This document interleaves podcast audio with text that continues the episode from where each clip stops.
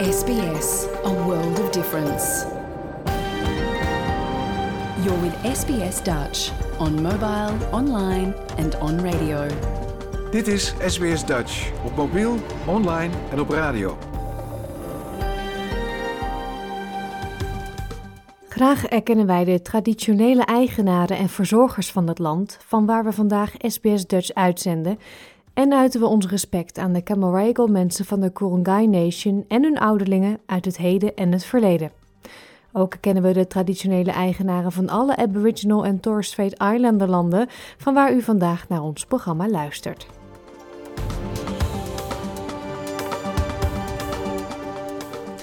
Een hele goede morgen. Mijn naam is Paulien Roesink. Het is zaterdag 18 maart 2023 en u luistert naar SBS Dutch, het Nederlandstalige radioprogramma van SBS. Vandaag vindt in Berwick in bij Melbourne het Holland Festival plaats en SBS Dutch is daar ook. Daarom is er vandaag geen nieuwsbulletin in deze uitzending. Maar wat hebben we wel? Nou, een gesprek met Yvonne Davis, oud SBS Dutch medewerker, over Harmony Day, of eigenlijk Harmony Fest in Ballarat. We hebben een column van taalman Frans Hertogs. Deze gaat over moedertaal. We praten met Leo Patterson Ross van de Tenants Union New South Wales over de crisis op de huurmarkt. En we hebben een item over fruitnetten en wat dat doet met bijen. Natuurlijk is er ook het willekeurige weekoverzicht en hele fijne muziek. Maar we beginnen met de energieprijzen. Australische huishoudens en bedrijven zijn gewaarschuwd voor een moeilijke, dure winter. Vanaf juli zouden de elektriciteitsprijzen in sommige delen aan de oostkust namelijk met wel 30% kunnen stijgen. Een overheidsingrijpen zou een deel, maar niet alle pijn kunnen verzachten. Dit is SBS Dutch. Voor de Ritz-bioscoop in Sydney wordt het steeds duurder om de lichten en projectoren aan te houden. U hoort Eddie Tamir, de eigenaar van de bioscoop. Cinema is all about light, and uh, light relates to power. Uh, it's all about light through celluloid, light through a digital projector onto a screen. We've uh, renegotiated our our uh, electricity contract because it had expired in December, uh, and it definitely went up, and uh, that definitely creates some challenges. Het bedrijf zag de elektriciteitskosten vorig jaar met 60% stijgen. Woensdag werd bekend dat voor veel Australiërs de energierekening in juli fors omhoog gaat. Regelgevers die toezicht houden op de elektriciteitsmarkt langs de oostkust van Australië hebben hun ontwerpprijzen voor het volgend financieel jaar vrijgegeven. Meer dan 1 miljoen residentiële klanten met een standaard plan zullen als eerste worden getroffen. Vanaf 1 juli krijgen klanten in Zuidoost-Queensland te maken met een stijging van bijna 20 procent. In de regio's van de staat krijgt men te kampen met een stijging van bijna 29 procent. De prijzen zullen bijna 22% omhoog gaan in Zuid-Australië en met meer dan 23% stijgen in New South Wales. In Victoria wordt een stijging van de energierekening van 31% verwacht. Het merendeel van de klanten die nu korting krijgen op hun tarieven zal de pijn pas voelen wanneer hun contract afloopt. Gavin Dufty van St. Vincent de Paul legt uit. So the default market offer is the most expensive in the market. So it's gone up, you know, 19 to 24%. The market offers, which are a lot cheaper, will likely rise at a greater rate um, than the default offer because they're just coming from a lower base. De prijsstijging is het gevolg van de impact van de oorlog in Oekraïne op het wereldwijde aanbod en uitval van elektriciteitscentrales in Australië. Het ingrijpen op de markt door de federale overheid vorig jaar, waarbij de kolen- en gasprijzen werden beperkt, had volgens Claire Savage van de Australian Energy Regulator wel effect. De toezichthouder controleert de prijzen in Zuidoost-Queensland, New South Wales en Zuid-Australië. The interventions in the coal and gas market have actually reduced price expectations for this coming year. Contract prices have fallen by 50%, and that's why our decision today is 20 to 22% instead of 40 to 50%. Energieminister Chris Bowen zegt dat de daling van de prijsverwachtingen de reactie van de regering rechtvaardigt. These figures bear out the intervention. They bear out the forecasts and predictions we made. In fact, the relief may be higher than we anticipated. 20% increases are very tough. 50% increases would have been crippling. Maar het is misschien niet genoeg voor mensen die het al moeilijk hebben, zegt Cassandra Goldie van de Australia Council of Social Services. Uh, we already have the worst case scenario where we've got people all over the country who are giving up uh, a roof over their head because they cannot afford the bills and they are living in cars and in parks. Ze maakt zich hard voor directe prijsverlagingen voor mensen die het moeilijk hebben. Queensland heeft al aangekondigd om hun subsidies te verhogen. De federale regering zal energiesteun opnemen in de volgende begroting die in mei wordt onthuld. Die maand zullen de definitieve beslissingen van de regulator over de verhoging van de elektriciteitsprijs worden genomen. Schaduwminister voor Energie Ted O'Brien zegt dat dat voor velen te laat zal zijn. Labor's argument today is that um, they've been doing a good job because the mess they've created could be even more messy. De heer Bowen bestrijdt dat. Volgens hem is de aanpak van de regering doeltreffend. Dit was een verhaal van Naveen Razik voor SBS Nieuws en door SBS Dutch vertaald in het Nederlands. Gaan we verder nu met muziek. Dit zijn Suzanne Freek samen met Snelle en hun liedje heet De Overkant. Aanstaande dinsdag 21 maart viert Australië Harmony Day. De stad Ballarat in Victoria pakt het heel groots aan. Ieder jaar wordt daar Harmony Fest georganiseerd, een tiendaags multicultureel evenement. En dat is gisteren van start gegaan. Eerder deze week sprak ik met Yvonne Davis, oud-medewerker van SBS. Zij is namelijk betrokken bij de organisatie van Harmony Fest. En ze vertelt wat er dit jaar zoal op de planning staat. Jouw gemeenschap, jouw gesprek, SBS Dutch. Yvonne, jij woont in Ballarat en daar pakken ze altijd groots uit hè, met Harmony Day. Ja, al meer dan uh, tien jaar lang. Ik denk een jaar of 13, 15, niet zeker. Maar inderdaad, uh, uh, we hebben natuurlijk ook Harmony Day, maar het hele programma heet Harmony Fest. En dit jaar begint het op de 16e en eindigt het op 26 maart. Ja, dus dat is niet inderdaad één dag, maar een, een hele week, tien dagen zelfs. Waarom wordt dat in Ballarat zo groots aangepakt? We vragen elk jaar aan verschillende organisaties uh, wat ze van plan zijn. En we doen dat in een pakketje en dan een programma uitbrengen. Uh, om een voorbeeld te geven, we beginnen bijvoorbeeld morgen beginnen de Ieren alvast met uh, de vooravond van St. Patrick's Day. En dan op vrijdagmorgen gaan ze de eerste vlag hijsen voor St. Patrick's Day. En het, het, het loopt van die dag aan min of meer dat er elke dag wel iets is. Uh, bijeenkomsten met eten, Indiaans eten, uh, Holy Festival uh, met al die kleuren bijvoorbeeld. We hebben zelf ook um, een picknick, Harmony by the Lake, wat later in die twee weken. Um, het is echt van alles en nog wat. Een Indiaans filmfestival, een Italiaans filmfestival, dingen voor de kinderen. alles te maken met al die verschillende culturen die Ballarat rijk is. Ja, het is inderdaad dus een hele multiculturele samenleving daar. Oh, absoluut, ja. En ik zie dus de verschillen. Wij kwamen voor de tweede keer in 74. En het verschil met 74 is echt ongelooflijk. Dat mensen nu hun eigen taal kunnen spreken zonder dat iemand daarvan opkijkt. Uh, dat ze dus uh, bijeenkomen met hun verschillende dansen, met hun kostuums. Uh, we hadden onlangs bijvoorbeeld Begonia Festival in Ballarat. En de parade aan het einde, dat was op maandag, op Day. Dan zie je dus ook al die verschillende culturen bijeenkomen. Dus uh, ja, het is ontzettend veranderd in Ballarat, godzijdank. En het is er veel mooier geworden. Je leert veel van elkaar. En een hoop dingen zijn ook voor niets, weet je. Ik bedoel, je kan... Vrijdagavond hebben ze een, een of ander eten voor. Het enige wat ze vragen is dat je boekt. En dan hebben ze een avond met verschillende muziek, cultuur, dans um, en eten. En het is allemaal gratis. Dus ik bedoel maar sommige dingen voor betalen, maar niet alles. En één ding dat we uh, zondag aanstaande hebben, vanwege COVID werd het even stilgezet, maar een interfaith friendship walk. En het gaat van de moskee naar de synagoge en dan naar een Grieks-orthodoxe kerk iedereen een beetje een woordje doet. Aan het begin krijg je ook flessen water mee, zodat niemand tijdens die wandeling een tekort heeft aan water. Aan het einde is er ook wat te eten.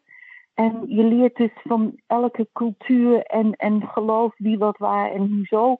En dan leer je ook de verschillen. En een hoop mensen zijn uh, bijvoorbeeld uh, nooit naar een moskee geweest. Of uh, hebben iets gehoord over het Joodse geloof. Dat soort dingen. Dus je leert allerlei dingen onderweg terwijl je wandelt. Maar dat het dus bij jullie zo groot uitgepakt wordt, dat betekent ook dat er heel veel animo voor is. Dat het een druk bezocht event is. Ja, verschillende evenementen weet ik al van tevoren dat men volledig uitgeboekt is.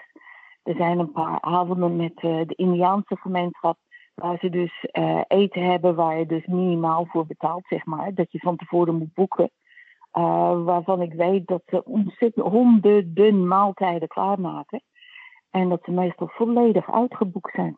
Ja, wordt er ook wel eens iets Nederlands gedaan? Nee, en dat ligt aan mij eerlijk gezegd. Want ik ben de enige waarschijnlijk in de stad die dan dingen zou kunnen organiseren. Ja, want jij bent betrokken bij de organisatie van, uh, van deze week, hè? Ja, dus uh, ik heb het nog eventjes druk. Maar vorig jaar bijvoorbeeld hadden we dat draaiorgel. Uh, dat straks ook op het Holland Festival staat. Tijdens het Marianne. vlaghijzen. Ja, precies. En dat hadden we tijdens het vlaghijzen vorig jaar. Maar nooit een stroopwafelkraam of zo?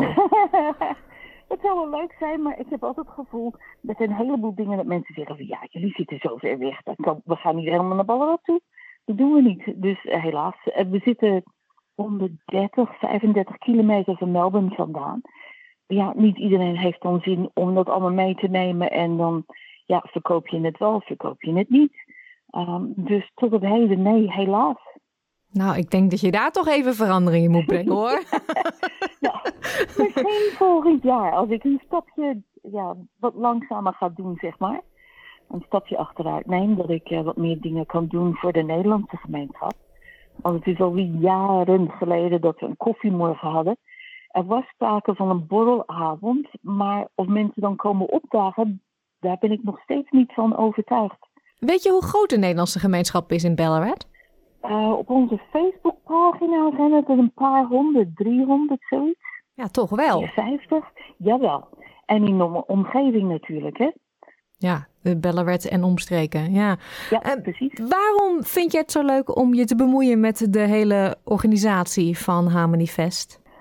Oei, ik ben uh, jaren geleden aangenomen door de stad als vrijwilliger, als interculturele ambassadeur. En dan leer je dus, wat doet de stad allemaal? En voordat ik het wist, was ik bezig met een uh, interculturele uh, kalender elk jaar. En ook dat festival natuurlijk. En ik neem foto's en dat gaat dan naar een Facebookpagina. We hebben een Facebookpagina die heet uh, Harmony Fest. Dus kan niet missen. Dus dan voordat je het weet, zit je er tussenin. En uiteindelijk ben ik gewoon blijven hangen en werk ik soms als een casual. Maar voornamelijk als vrijwilliger zit ik overal tussenin. Omdat ik dus ook vanwege mijn werk met SBS, ik ben gewend met Facebook en Twitter en foto's en websites. En ja, evenementen aanpakken. Volgens mij zit je op je plekje, alleen heb jij geen tijd om te genieten van je vrije tijd. oh, dat woord vrije tijd, dat heb ik al eerder gehoord. Maar... Even opzoeken in het woordenboek. Ik wens je heel veel plezier in Ballarat tijdens Harmony Fest en dankjewel. Graag gedaan. Bent u toevallig in de buurt van Ballarat? Op onze website www.sbs.com.au Dutch vindt u een link naar de website van Harmony Fest.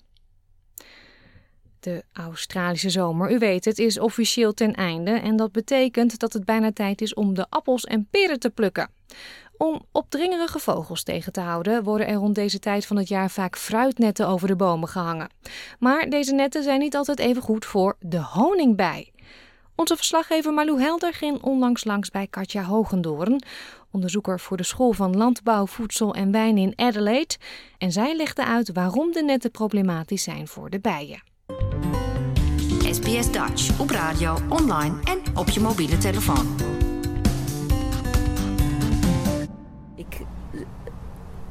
Ben uh, begeleider van een aantal studenten die onderzoek doen naar verschillende aspecten, vooral van uh, honingbijen, maar ook van wilde bijen. Er zijn in Australië 1700 soorten wilde bijen, dus er valt wel wat te onderzoeken.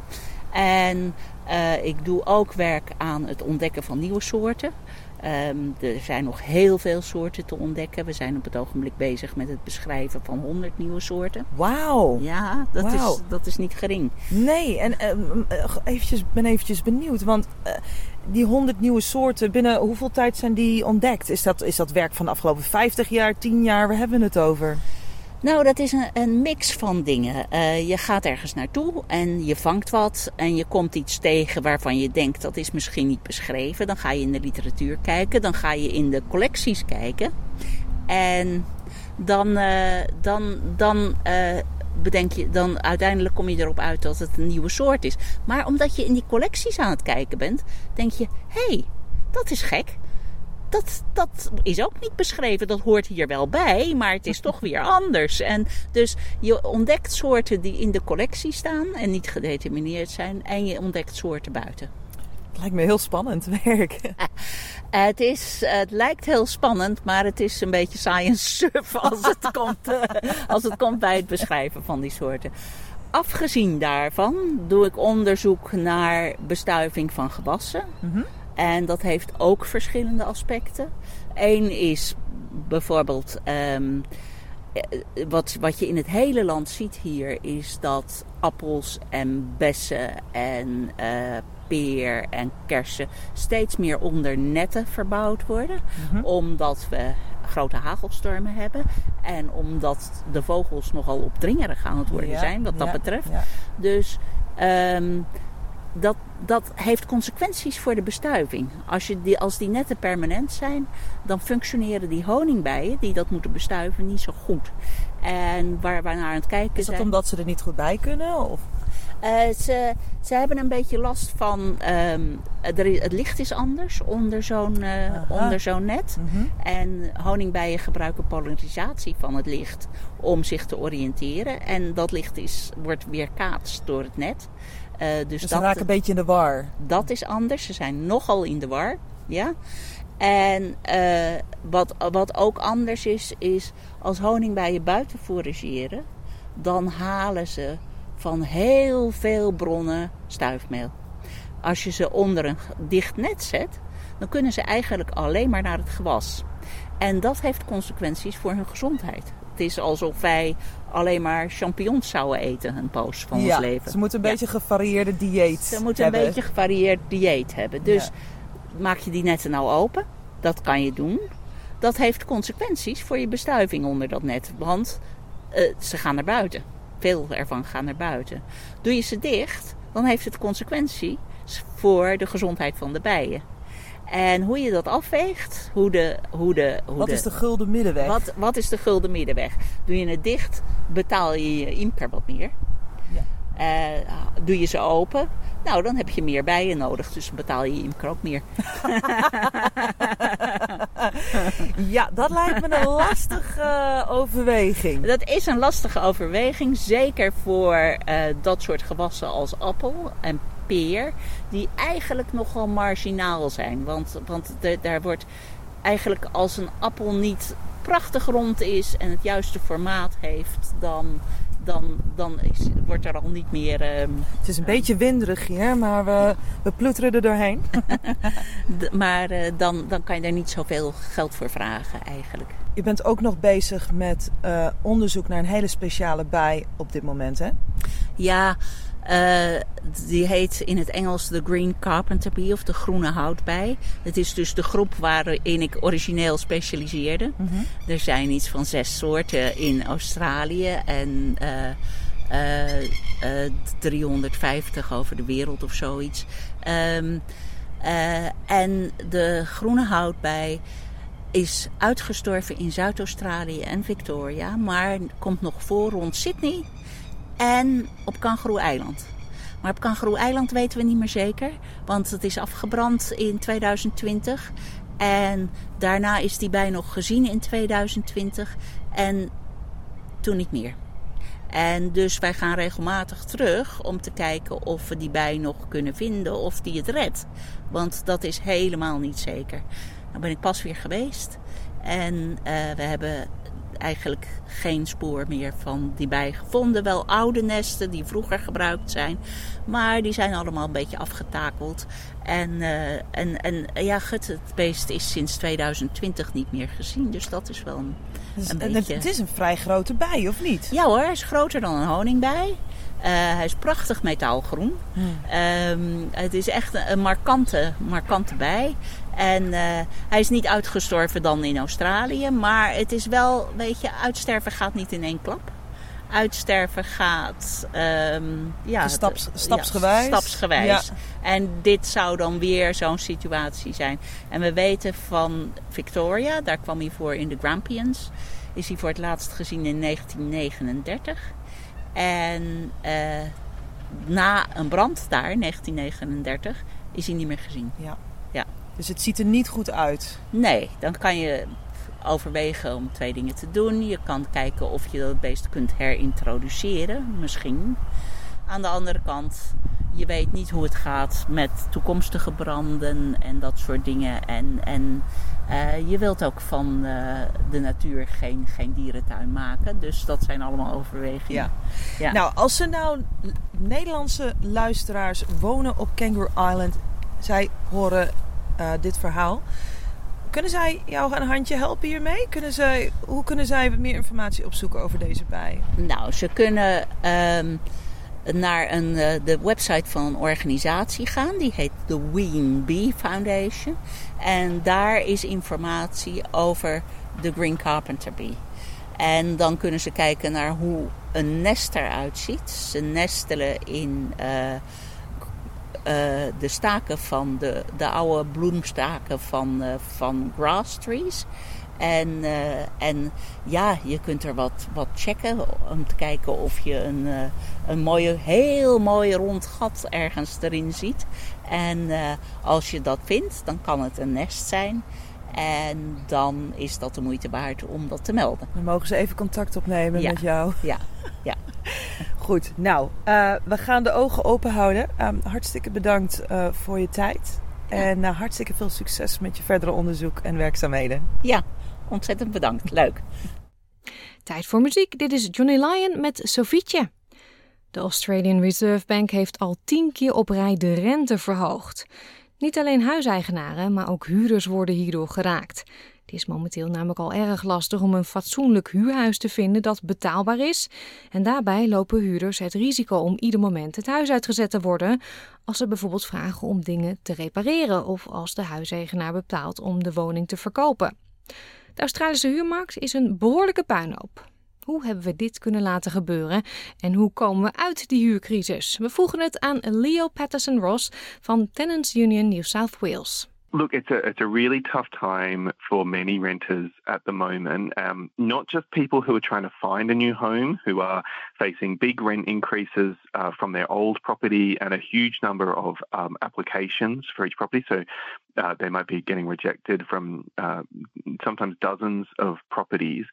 But also people who already have a home are becoming increasingly worried that they don't want to raise issues, they don't want to raise repairs issues or other concerns because they might, um, you know, encourage or, or uh, find themselves receiving a rent increase notice or an eviction notice at the same time. So it's a very difficult time. People are very worried and uh, upset about the inability uh, to keep a good quality home in Australia at the moment.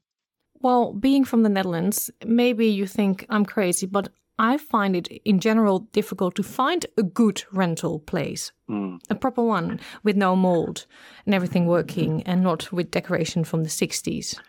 Yeah, exactly. Well, you know, some people might like the decoration from the 60s, but the mold is a real health issue and, and it can cause significant problems for people. So, the I, I, at the end of the day, the problem in Australia, and certainly I don't think people in the Netherlands necessarily say it like this, but the problem in Australia is that we don't understand renting and shelter as an essential service, that there is a, a shared commitment from government, but also from industry, from the investors, uh, to ensure that people have good homes uh, and that they're willing to accept a level of regulation in order to make sure that that happens. And this is quite, you know, curious even in Australia, where, uh, for instance, for other essential services like food, we do have a certain level of regulation to make sure that people are safe, can stay healthy, can access uh, these these requirements of a you know a, a healthy and dignified life.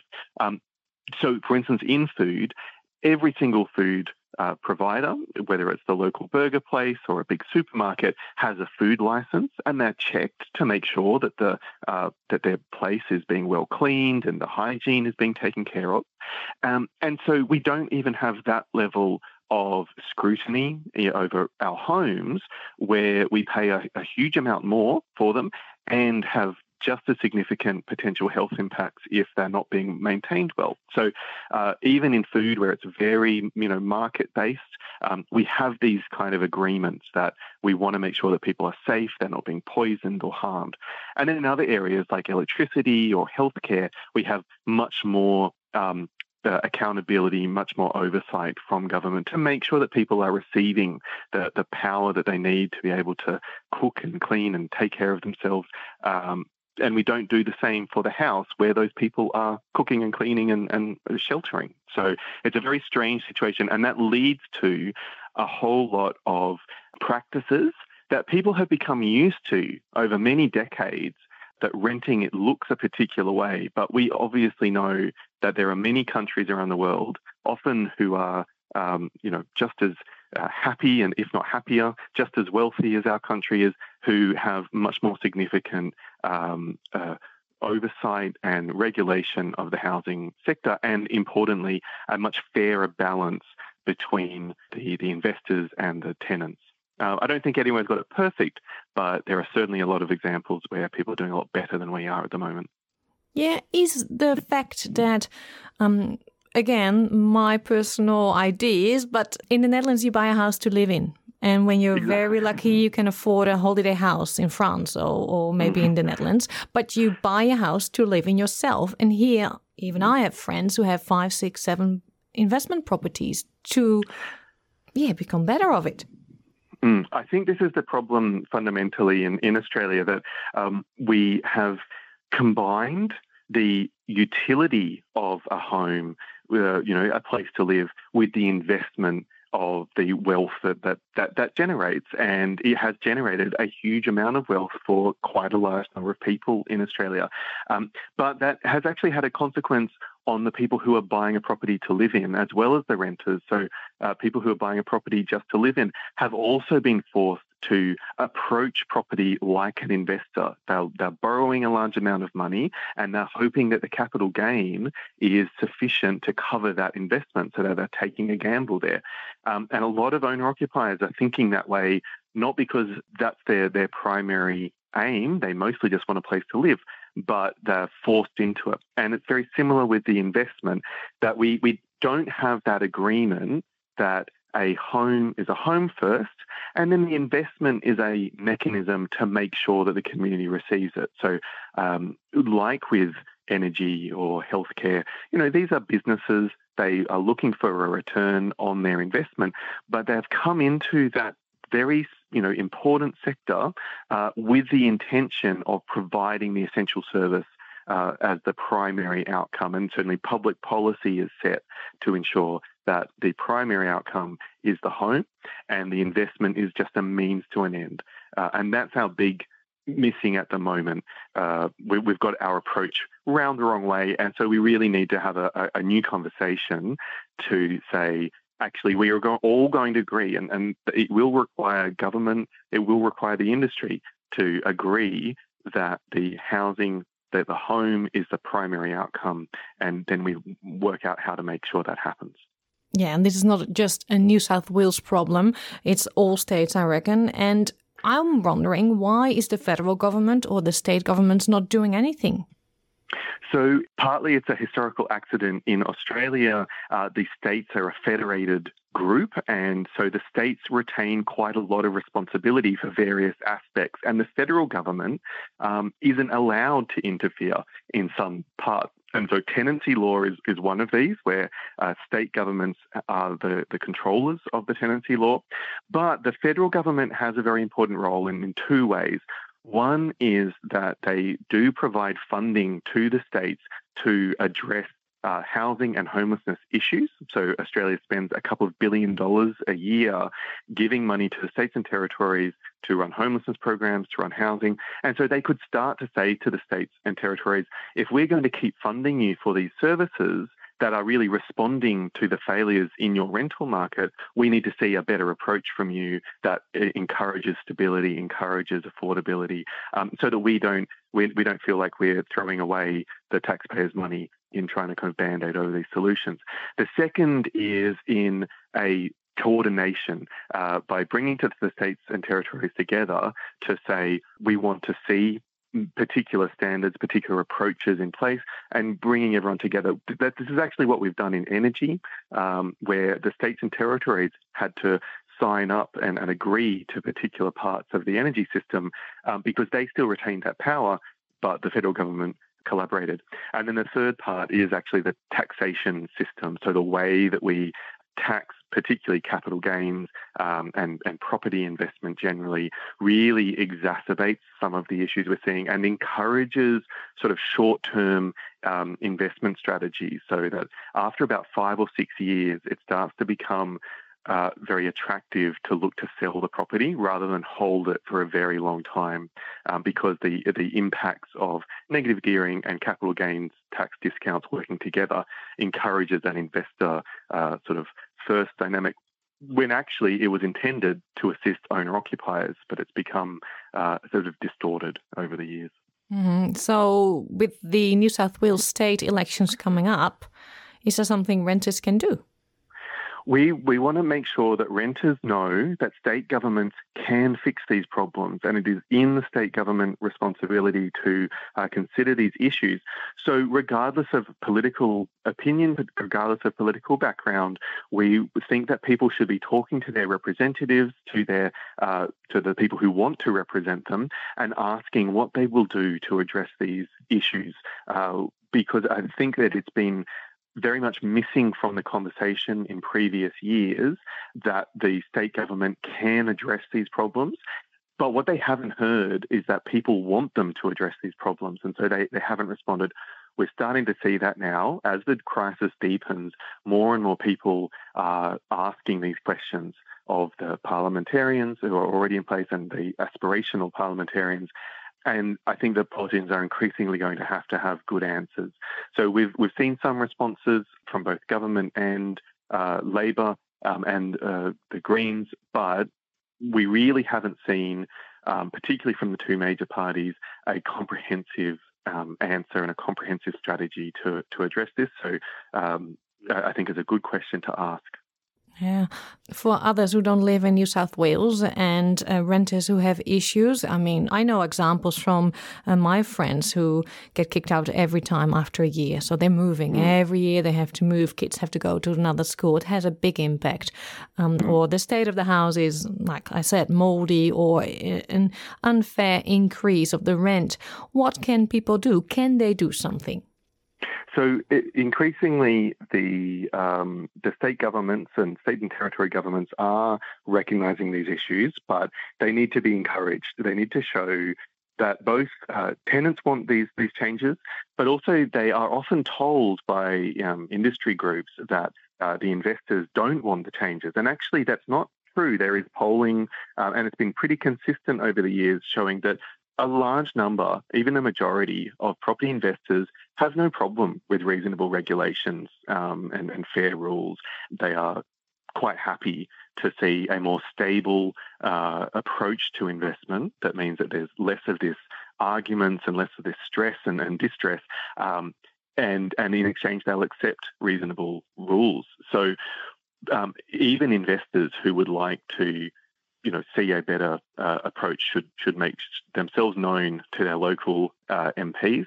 Um, there are groups in many states and territories that are funded to provide tenancy advice to people. Uh, so that they can um, know what the rules are and, and how to address particular issues.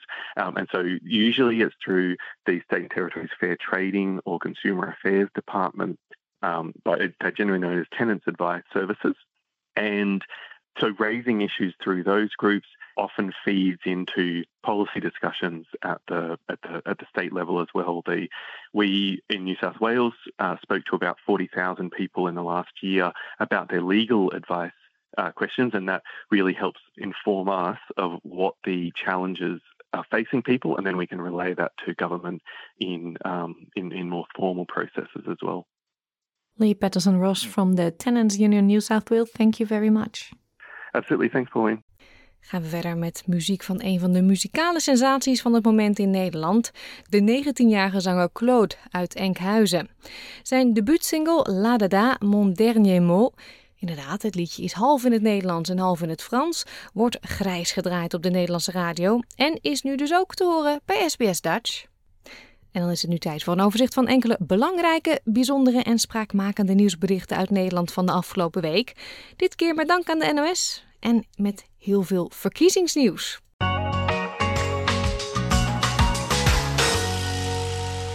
Mooi nieuws uit de natuur. De zeearend is namelijk terug van weg geweest in Nederland.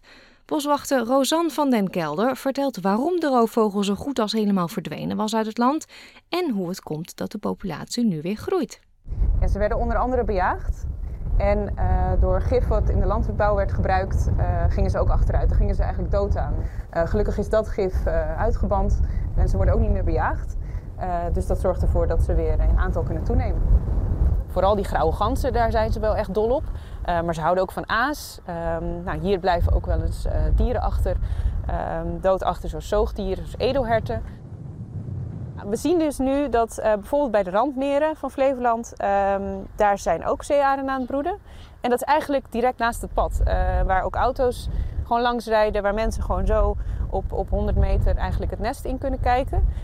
en dat zegt toch wel dat ze ja, iets minder kieskeurig worden wat dat betreft. Misschien wennen ze een beetje aan ons. Misschien heeft u het meegekregen via de Nederlandse media of misschien heeft u zelf wel gestemd, maar er waren afgelopen week verkiezingen. Woensdag mocht men naar de stembus voor de provinciale staten- en waterschapsverkiezingen. Voor nieuwkomer BBB, de Boer- en Burgerbeweging, werd het een avond om nooit te vergeten.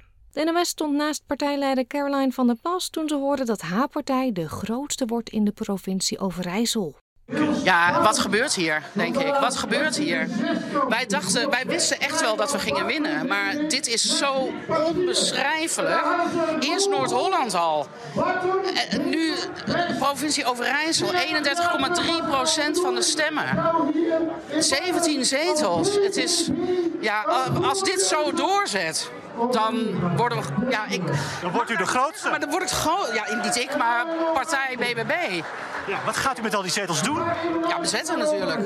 Ja, daar hebben we mensen voor. Daar hebben we heel hard aan gewerkt.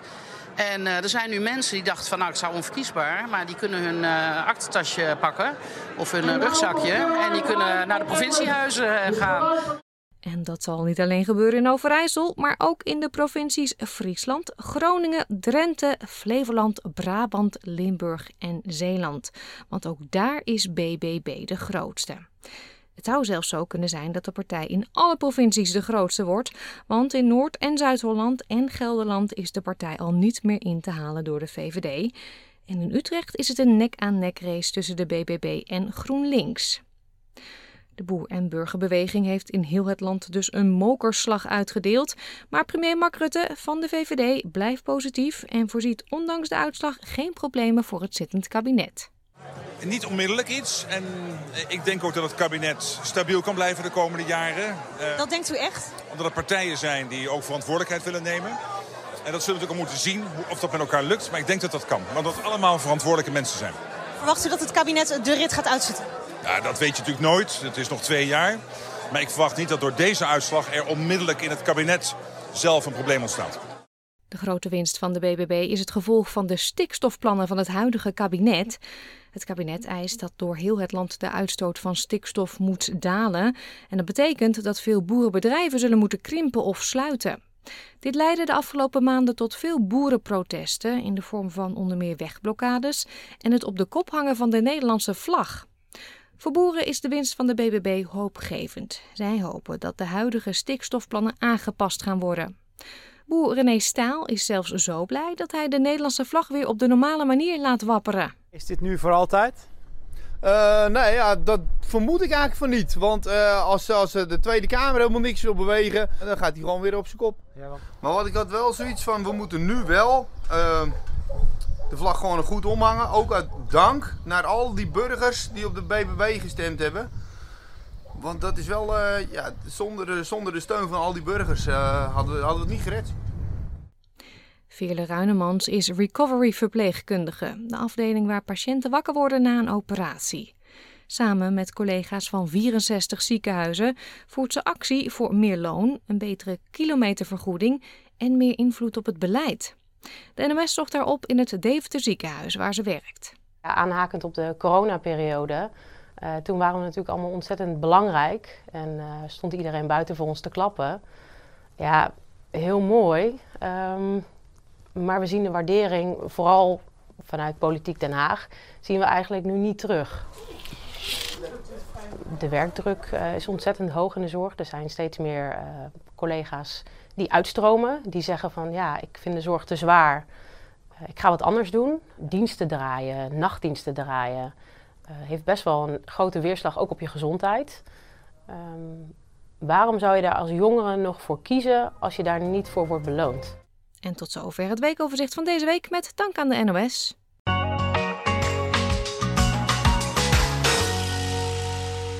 Dan nu aandacht voor de Nederlandse taal.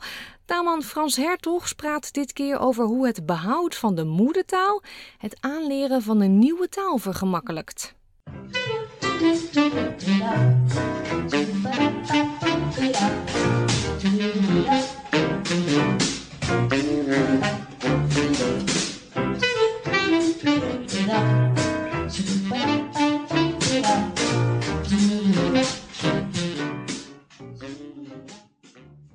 Thuis talen op school? De wereld wordt steeds kleiner en het mensdom steeds groter. Overal overstromen vreemdelingen en buitenlanders de meest verafgelegen plaatsen op aarde. En het zijn niet alleen vluchtelingen, gastarbeiders en vaklui, maar ook toeristen, multinationale bedrijven, hulpverleners en nog veel meer. En allemaal, allemaal brengen ze hun eigen gewoonten, voedsel, religies, manieren en overtuigingen mee. En natuurlijk ook hun eigen taal of dialect. En al gauw zijn er in elk land heel veel gezinnen die thuis hun eigen meegebrachte thuistaal spreken. En als hun kinderen naar school gaan, dan moeten ze die natuurlijk de taal van het land leren spreken. Dat is overal de gewoonte en natuurlijk is dat ook helemaal terecht. Die kinderen die zullen hun weg door het leven moeten vinden door de taal van hun land goed te gebruiken. En toch, toch is die eentalige inburgering nog niet zo vanzelfsprekend. Kinderen uit andere talen en culturen, die mogen op school ook best in hun eigen taal praten met lotgenoten, zeggen pedagogen in Nederland nu. Ze kunnen elkaar helpen omdat ze elkaars moeilijkheden met de verplichte taal kunnen delen. En bovendien, bovendien ontstaat er een veeltalige omgeving waar kinderen gemakkelijker andere talen absorberen. Ja, vroeger, vroeger was dat totaal uit een boze, hè. Ze waren bang dat het leren van de ene taal de andere taal zou verdringen. maar tegenwoordig weten we dat dat juist andersom werkt.